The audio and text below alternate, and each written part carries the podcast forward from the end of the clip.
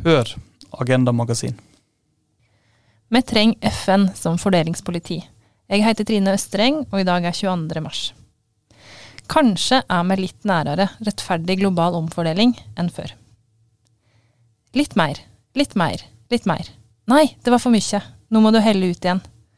Sånn hørtes det ut da jeg var barn og hadde venner på besøk, og vi skulle skjenke opp saft. Det var så viktig at det var på millimeteren likt. Ingen av oss vennene skulle komme ut fra kjøkkenet med ei dråpe mer enn de andre. Det var det som var rettferdig. Vi opererte alle som saftfordelingspoliti. Nå, 30 år seinere, sitter jeg på jobb og skriver på et notat om ulikhet i verden, og savner ei streng stemme som kan få oss til å fordele litt mer. For vi har et økonomisk system for fordeling som er langt mer behagelig for de rikeste enn for resten. Den store økonomiske ulikheten fører til at økonomisk vekst ikke kommer oss alle til gode. Økonomen Thomas Piketty har laga et forskningssenter som samler statistikk om dette, og de har i sin årlige rapport sett på fordelinga av veksten i verden mellom 1995 og 2021. Denne rapporten viser at den fattigste halvparten i verden bare fikk 2% av all vekst i perioden. Resten av veksten gikk til den rikeste halvparten, og særlig til den øverste prosenten. Den rikeste 1 fikk 38% av all velstandsvekst. Sånne tall blir alltid litt tunge, og det kan være vanskelig å se for seg. Men tenk på en fest med 100 personer og 100 nye velkomstdrinker. Velkomstdrinkene illustrerer veksten i verden i perioden fra 1995 til 2021. De 50 fattigste gjestene må dele på to av drinkene. Den rikeste gjesten får 38 drinker, helt alene. Det høres ikke ut som en oppskrift på en god fest. Den grove skjevfordelinga er et problem av mange grunner. Vi har omfattende forskning som viser oss at stor ulikhet gir oss et dårligere samfunn. Et annet problem er at vi har store pengestrømmer bort fra land som baserer seg på omfordelende skattesystem, og over til lågskatteland. Det gir mindre penger til å finansiere skoler, helsevesen og helt nødsynte klimatiltak. Skatteflukt er en sentral driver for denne utviklinga.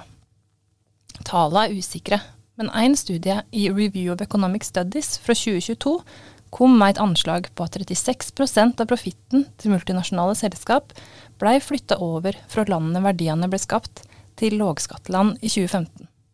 Det er altså store verdier som ikke blir skatta av, og dermed ikke kan bidra til å løse alle de store felles utfordringene mange land har. Ei rekke land har bygd seg opp på å tilby lave skatter og hemmelighold. Det har blitt som en magnet på milliardærer, kriminelle og folk som ikke vil bidra til fellesskapet i landene der gevinstene ble skapt i utgangspunktet. Det er et stort problem også nå når vi har iverksatt økonomiske sanksjoner mot Russland, fordi store deler av den russiske eliten har penger i skatteparadis og dermed ikke blir ramma. På den måten blir også skatteparadis et hinder for demokrati. For å nå bærekraftsmålet som verden har blitt enige om, må denne utviklinga snu.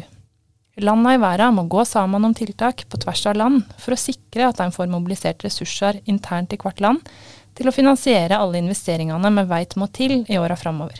Til helse, utdanning og klimatiltak. Heldigvis har det skjedd ting i det siste som gir håp. Det er mange som ser at vi må organisere oss på en annen måte. OECD, som er en organisasjon for noen av de rikeste landene i verden, har blitt enige om en global selskapsskatt på minst 15% Det er langt mer enn det mange trodde var mulig for ti år siden. Samtidig er det et problem at skatten har en låg prosentsats, er full av smutthull og kommer de rikeste landene mest til gode. Det er ett steg i rett retning, men på langt nær nok. Mange av låg- og mellominntektslandene i verden ønsker ikke at OECD skal være organet der skattekoordineringa internasjonalt finnes da. Mellom annet fordi det er udemokratisk at det bare er de rikeste landene som skal styre denne prosessen. De vil ha prosessen i FN. Der er det mer åpenhet og mer demokrati. Og større sjanse for et resultat som også de kan tjene på. I FN har alle land ei stemme. Rike eller fattige, store eller små. Norge bør derfor mobilisere aktivt for at mer av framgangen på skatt i verden skal skje i FN. Før jul vedtok FN at de skulle starte arbeidet med en internasjonal skattekonvensjon, etter forslag fra Den afrikanske union.